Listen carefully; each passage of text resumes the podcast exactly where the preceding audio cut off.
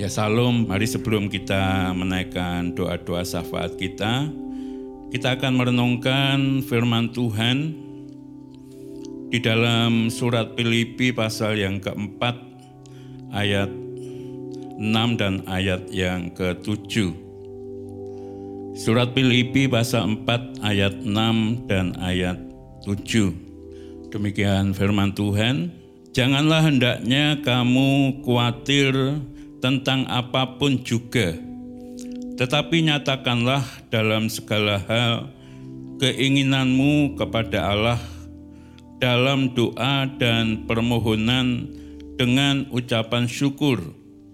Damai sejahtera Allah yang melampaui segala akal akan memelihara hati dan pikiranmu dalam Kristus Yesus. Puji Tuhan secara umum orang mengatakan bahwa khawatir itu biasa. Khawatir itu manusiawi. Apalagi ketika diperhadapkan dengan hal-hal yang tidak semestinya Artinya tidak seperti yang seharusnya, tidak seperti yang kita harapkan. Sebagaimana apa yang terjadi di bangsa kita Indonesia bahkan juga bangsa-bangsa di muka bumi ini sebagaimana kita ketahui bahwa mewabahnya virus corona yang mendatangkan satu kekhawatiran bagi setiap orang. Jangan-jangan nanti kita juga terpapar dengan virus itu. Ya.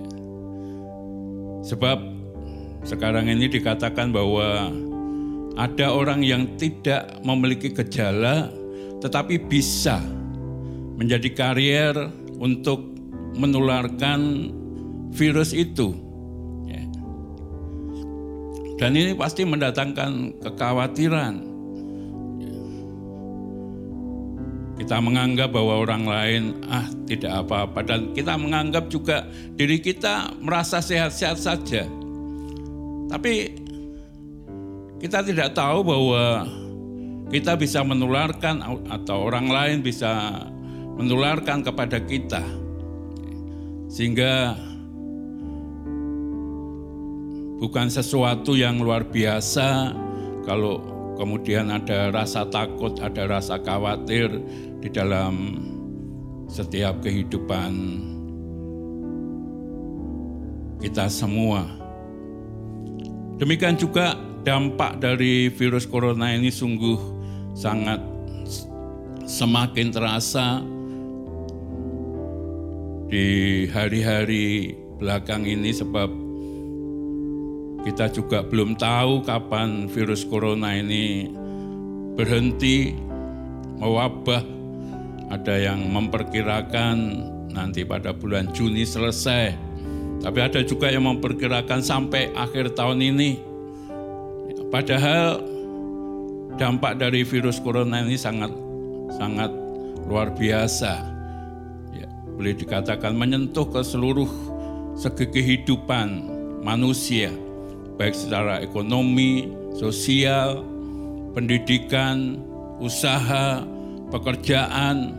Ya. Bahkan kita pun juga terdampak karena kita tidak bisa beribadah bersama-sama di gereja. Harus beribadah di rumah kita masing-masing.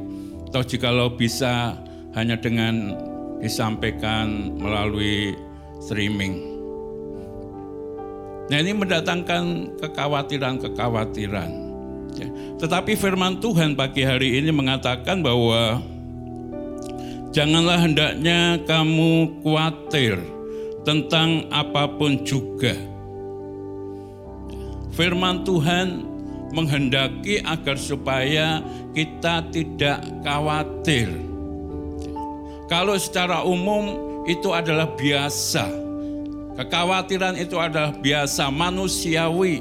Tetapi firman Tuhan mengatakan, "Hendaklah kamu tidak khawatir dalam apa pun juga." Mana yang harus kita ikuti? Tentu kita akan berpegang teguh kepada kebenaran firman Tuhan. Tuhan mengendaki untuk kita tidak khawatir tentang apa pun juga. Ya, entah itu tentang sakit penyakit, entah itu tentang ekonomi, entah itu tentang pekerjaan, entah itu tentang usaha, entah itu tentang uh, jalannya ibadah yang sementara ini kita tidak bisa melakukannya. Kita tentu berpegang teguh kepada firman Tuhan. Kita tidak khawatir tentang apa pun juga. Bagaimana supaya kita tidak khawatir tentang apa pun juga? Maka dikatakan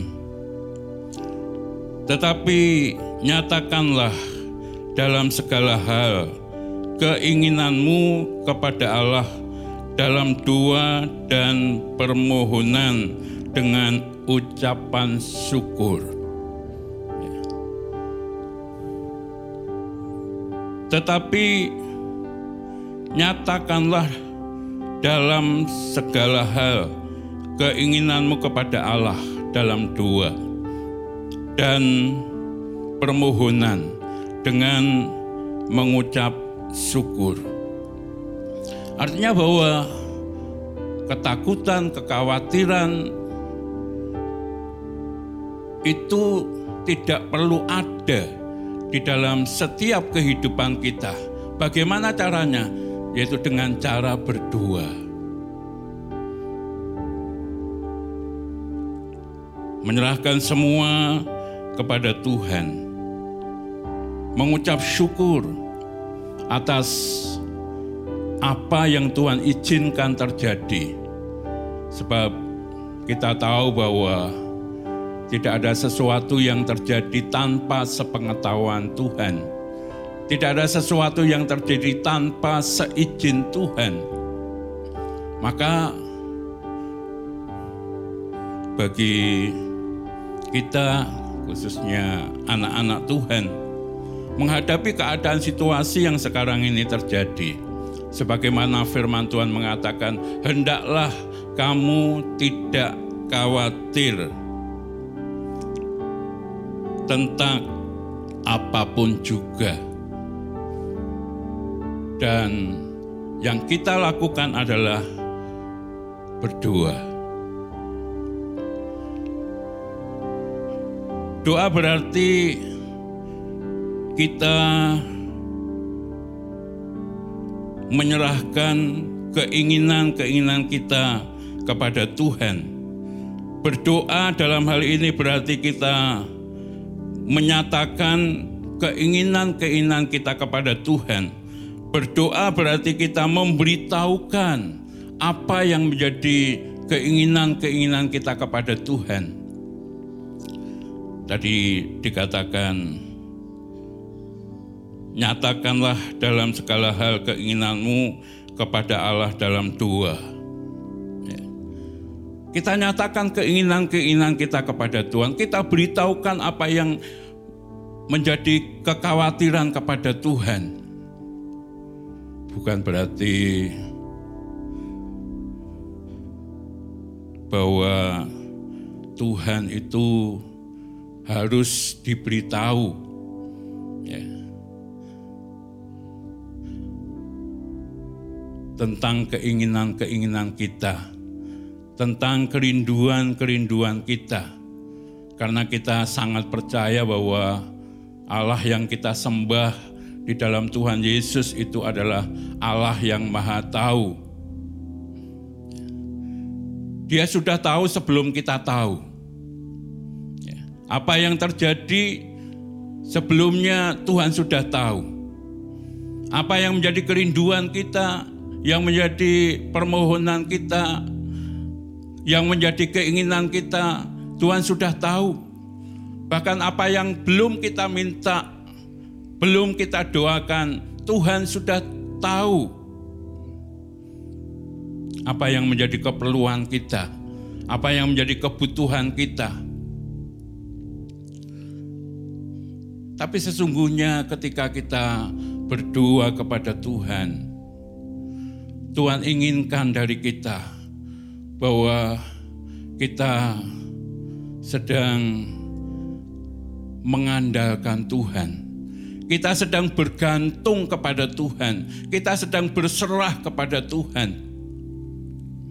Bukan saja memberitahukan sesuatu kepada Tuhan, tapi ketika kita berdoa, menunjukkan bahwa kita sedang hidup bergantung sepenuhnya kepada Tuhan. Kita percaya dan mempercayakan segala sesuatunya kepada Tuhan. Kita berharap dengan sungguh-sungguh kepada Tuhan. Dan kalau Rasul Paulus mengatakan dengan mengucap syukur. Artinya bahwa kita pun menyadari kalau sekarang ini kita ada sebagaimana adanya. Itu semua juga karena anugerahnya, karena kasihnya, karena pemeliharaannya. Ya. Maka ini yang perlu kita pahami agar supaya kita tidak khawatir. Tetapi kita ungkapkan semua keinginan kita, kerinduan kita kepada Tuhan. Karena kita sungguh-sungguh sangat bergantung kepada Tuhan. Menyadari akan keterbatasan kita, ketidakmampuan kita untuk menghadapi semuanya.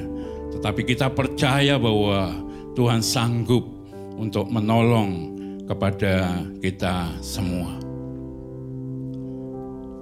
Rasul Yakobus juga mengatakan di dalam Yakobus pasal 4 ayat yang kedua, kamu tidak menerima apa-apa karena kamu tidak berdoa.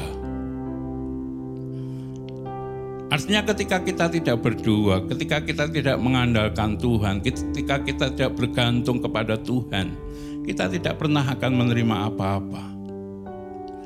Tapi sebaliknya di dalam pasal yang kelima ayat 16b dikatakan doa orang yang benar jikalau dengan yakin didoakan itu besar kuasanya. Maka apa yang dikatakan oleh Rasul Paulus Janganlah hendaknya kamu khawatir tentang apa pun juga, tetapi nyatakanlah dalam segala hal keinginanmu kepada Allah dalam doa dan permohonan dengan ucapan syukur. Itu sesuatu yang tidak mungkin tidak, artinya harus kita lakukan di dalam setiap kehidupan kita menghadapi masa-masa yang sukar, menghadapi keadaan-keadaan yang tidak mungkin kita bisa menghadapinya sendiri, menyelesaikannya sendiri. Hanya satu-satunya pengharapan kita adalah kepada Tuhan. Nah, kalau Rasul Paulus menghendaki supaya kita tidak khawatir dan itu kita ungkapkan kepada Tuhan melalui doa. Mengapa? Sebab dengan kita berdoa,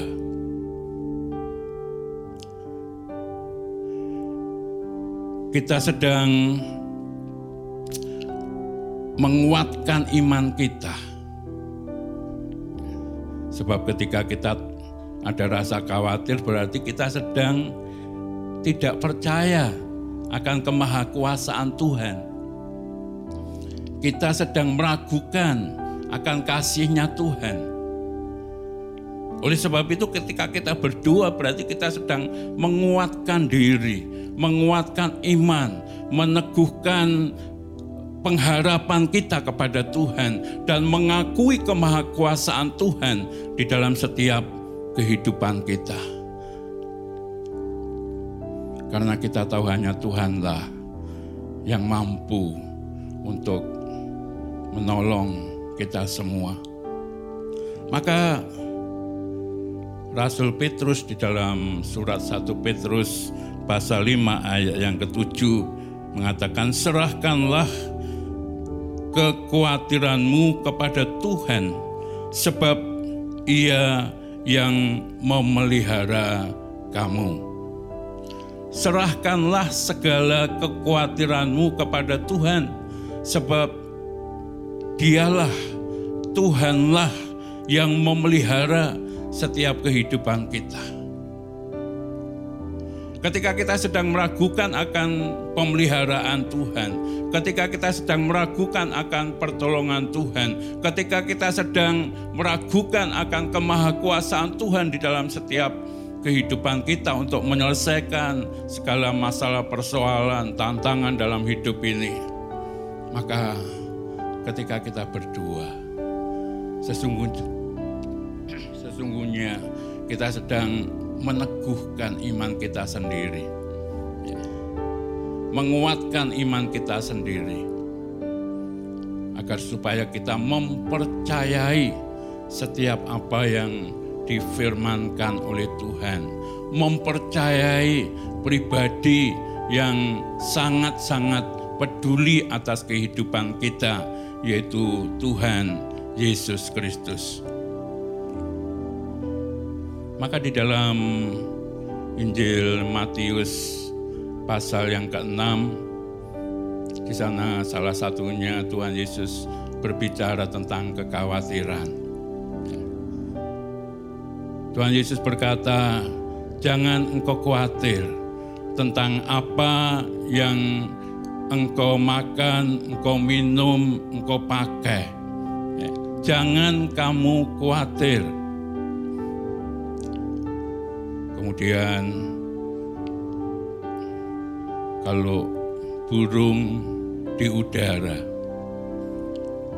mereka tidak menanam, mereka tidak menabur, mereka tidak memanen, mereka tidak punya lumbung untuk persediaan makan, tapi Tuhan memelihara bunga di bak, di, eh, di ladang atau di padang juga tidak ada yang menghiasi, tetapi Tuhan membuat begitu indah, begitu baik, begitu menarik. Itu semua karena Tuhan. Apalagi kamu, kita semua, orang-orang yang percaya kepada Tuhan Yesus. Bukankah Tuhan akan sangat-sangat memperhatikan kita? Tuhan sangat-sangat mempedulikan kita. Tuhan tidak akan pernah membiarkan, tidak pernah meninggalkan, tapi Tuhan selalu akan menyertai. Maka ketika kita berdoa, kita dikuatkan, kita diteguhkan, kita diingatkan dengan kebenaran-kebenaran firman Tuhan ini. Sehingga Tuhan katakan jangan takut, jangan khawatir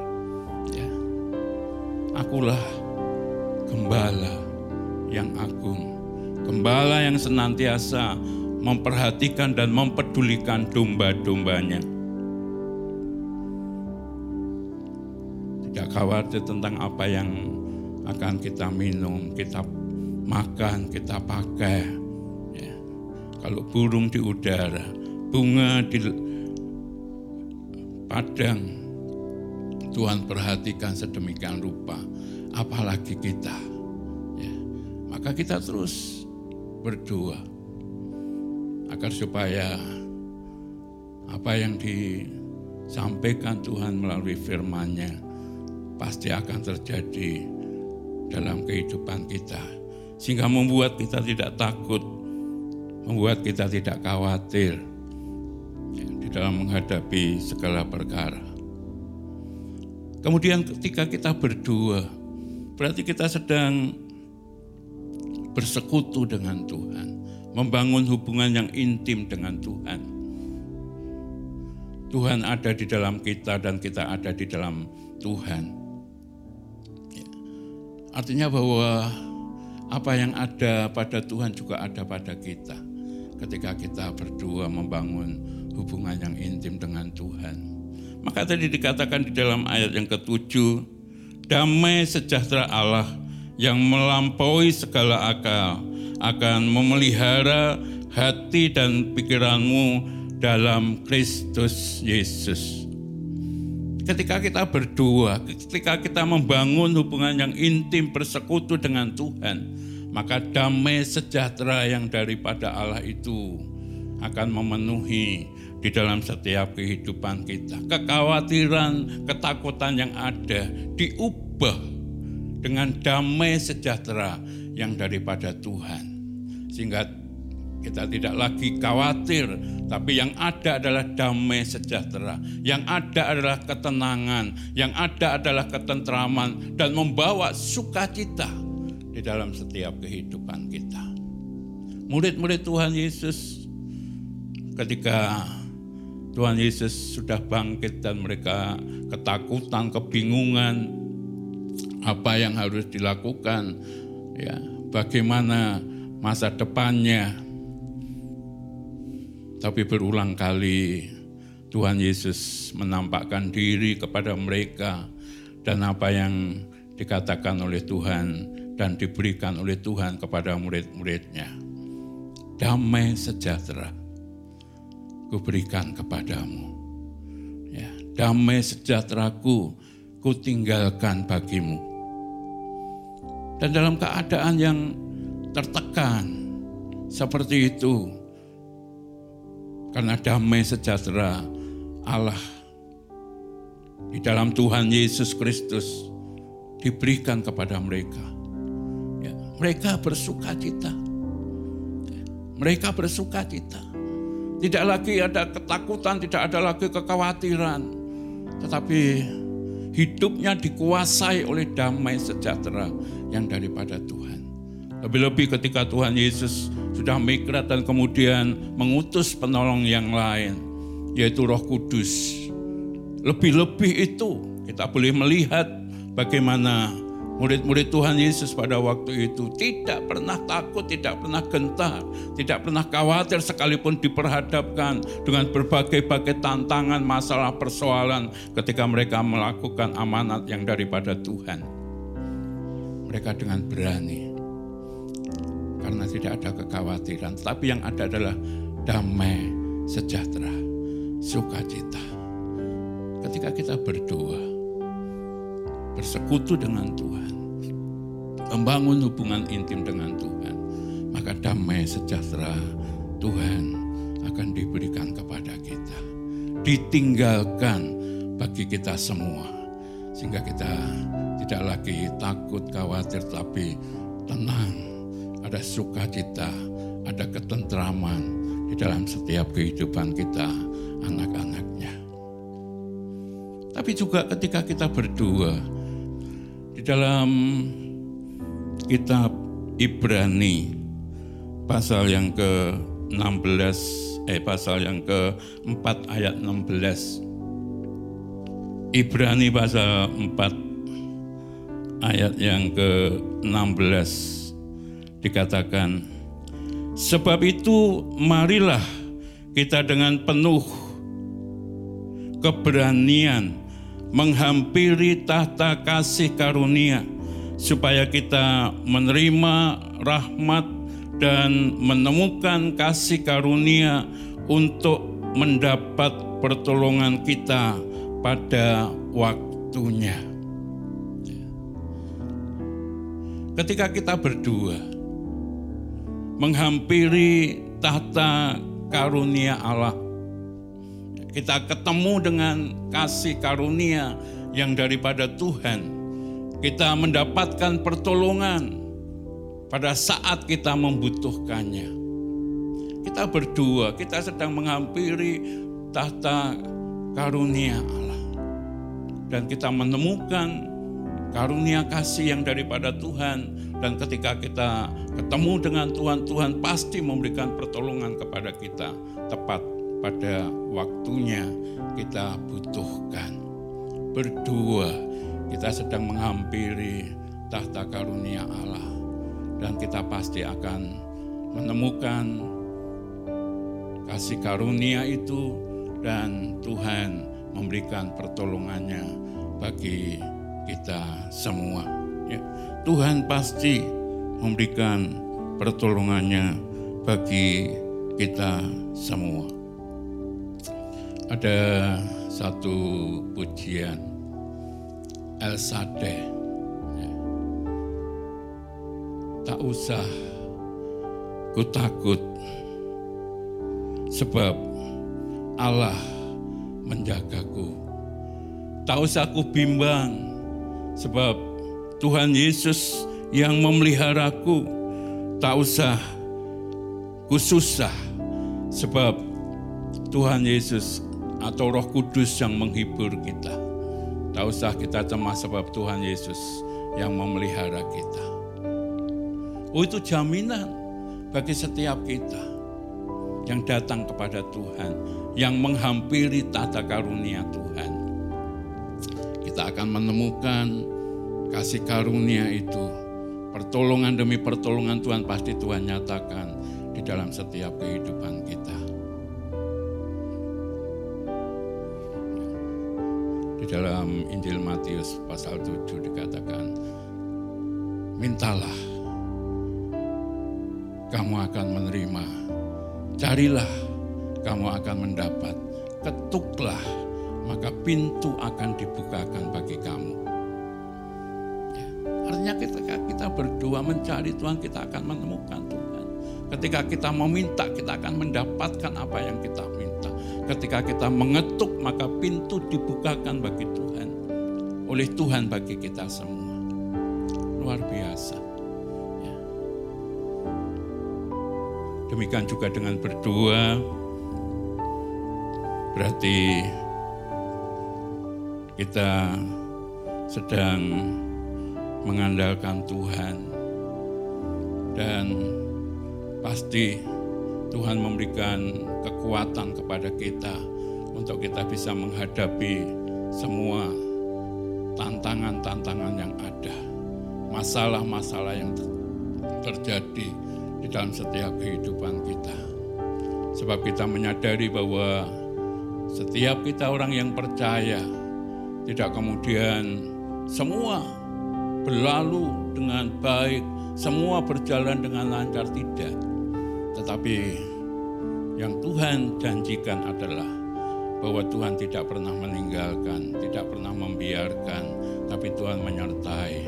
Tuhan Immanuel, ya Tuhan Ebenezer bagi kita semua. Ya. Artinya bahwa ketika kita menghadapi perkara-perkara yang tidak mungkin kita selesaikan sendiri, Tuhan selalu hadir memberikan kekuatan kepada kita.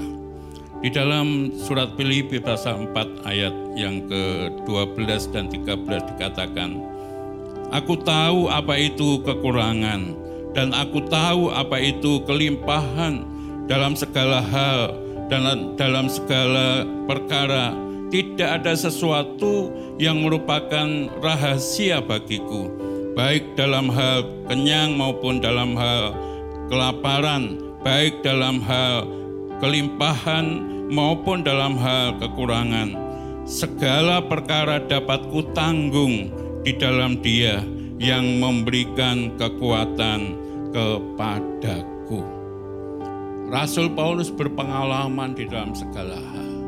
Tapi dalam kesemuanya itu Rasul Paulus mengatakan aku dapat menanggung karena Tuhan yang memberikan kekuatan kepadaku. Ya. Tuhanlah yang memberikan kekuatan kepada kita. Kemampuan kita sangat terbatas, ya. Tetapi Tuhan yang memberikan kekuatan kepada kita ketika kita berdoa. Ya, ketika kita berdoa. Demikian juga di dalam surat Rom 8 ayat 28 Rasul Paulus meyakini aku tahu sekarang bahwa Allah turut bekerja di dalam segala sesuatu untuk mendatangkan kebaikan bagi kita semua yang mengasihi Dia dan ada di dalam rencana-rencananya. Ketika kita datang kepada Tuhan, ketika kita mengetuk pintu Tuhan, maka Tuhan membukakan kita. Dan Tuhan tahu persis apa yang kita butuhkan. Mengerti apa yang ada di dalam hidup kita. Dan dikatakan bahwa Tuhan turut bekerja untuk mendatangkan kebaikan bagi kita semua. Oleh sebab itu, mari di dalam menghadapi kehidupan ini yang secara umum katakan pasti akan mendatangkan kekhawatiran, Orang mengatakan orang kalau takut khawatir itu manusiawi. Tetapi bagi kita firman Tuhan mengatakan bahwa janganlah hendaknya kamu khawatir tentang apa pun juga. Tapi mari kita bawa kepada Tuhan. Ya. Kita perkatakan di hadapan Tuhan melalui doa dan ucapan syukur kita, maka Tuhan akan mengubah ketakutan, kekhawatiran menjadi damai sejahtera. Tuhan akan memberikan kekuatan bagi kita untuk kita sanggup menghadapinya dan bahkan boleh tampil sebagai pemenang-pemenang oleh karena Tuhan yang senantiasa Immanuel. Karena Tuhan yang Ebenezer, bagi kita. Bukan saja sekarang tapi sampai selama-lamanya. Puji Tuhan, Tuhan memberkati kita sekalian. Amin.